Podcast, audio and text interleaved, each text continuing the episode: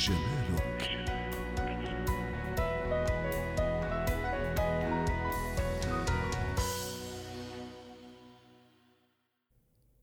لكل منا عطره المفضل والذي يناسب ذوقه وشخصيته. البعض منا يفضل العطر الخفيف والبعض الآخر يفضل العطور قوية الرائحة.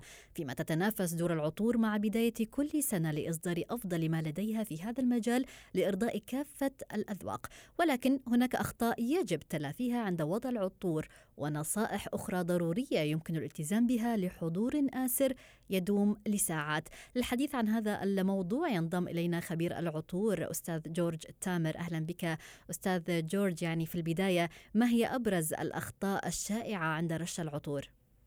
أول شيء أهلا وسهلا فيك أنسي ومساء الخير ويعطيكم العافية أهلا بك أهلا وسهلا فيك آه، بالنسبة دائما نحن المشكلة اللي بتواجهنا مع أغلب الزباين هي مواضيع الاستخدام الخطأ لمواقع العطور بالجسم فهي أغلب الأماكن هي بتكون حوالي الرقبه الأماكن. آه، بتسبب تصبغات والأما... وال وال under arm. إذا نحن مثلا بعض الناس أو 90% من الناس بتستخدم سبراي بدل ال under arm. فهي هي مشكلة شائعة بين الناس الاستخدام الخاطئ.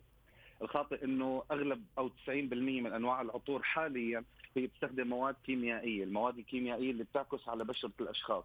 يعني مع الاستخدام الطويل لأي عطر أو لأي بادي سبراي بيكون محطوط على على الجسم بسبب مع المدى الطويل تصبغات. فهذا أكثر شيء نحن بننصح فيه الناس إنها تبتعد عنه بأغلب أوقات السنة يعني مو مو نعم. مثلا يكون أو الجو الصيف أو الشتاء لا هي الأماكن الحساسة بالجسم تتعرض دائما لالتهابات حتى جراء يعني استخدام مواد عادية مثل آه، مثل الزيوت مثل الميك أب مثل حتى حتى مثلا بالنسبة للعطور نفس الشيء نعم يعني آه، هل نستطيع خلط نوعين مثلا من العطور في نفس الوقت؟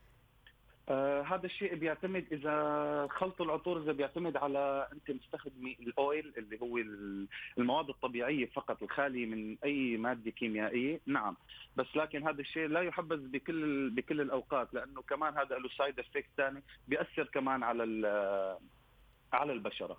نحن دائما بنعتمد على موضوع البشرة. نحن السؤال الأول بيكون دائما للعميل اللي بده يشتري من عنا بيكون إنه حضرتك استخدامك يومي أو نهاري فهذا كمان بيختلف. نوع البشرة إذا دهنيه أو جافة كمان بيختلف. أيضا ننصح دائما البشرات الدهنيه إنها تستخدم تستخدم نوع أو اثنين العطور لأنه ما بتأثر لأنه في إفرازات كبيرة. بينما البشرة الجافة نحن ما بننصح الاستخدام لأكثر من عطر واحد فقط. نعم أستاذ جورج يعني ما هي الأماكن التي ينصح برش العطر؟ يعني هل هي الأماكن مثلا عند المعصم آه، خلف الأذن؟ ما هو رأيك في هذا الموضوع؟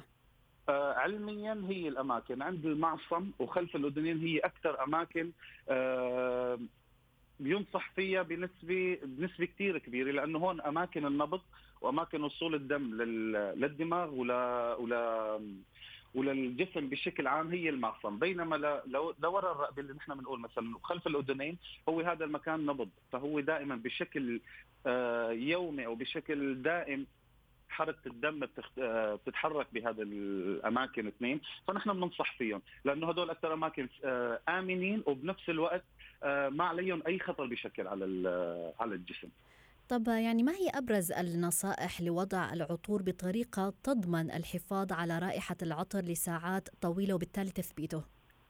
طبعا هلأ في نسبة كبيرة من الناس بتفكر إنه استخدام العطور بشكل كبير هو بيخلي العطر آه، طواح أكثر أو بدون وقت اطول، هذا الشيء غلط نوعا ما.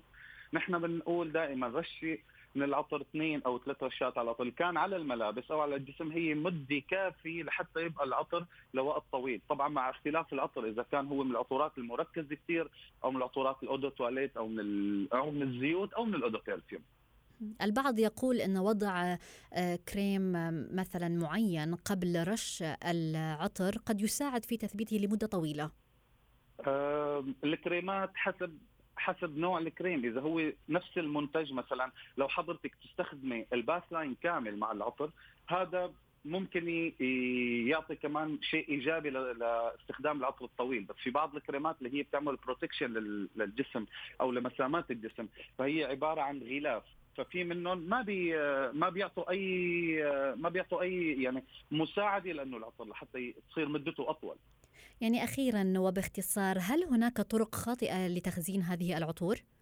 أي طبعا طبعا. آه، استخدام العطور أو وضع العطور حفظ العطور بأماكن آه، درجة حرارتها عالية هذا جدا غلط. آه، هذا بيحرض المواد الكيميائية الموجودة داخل العطر إنها تفرز بشكل سلبي.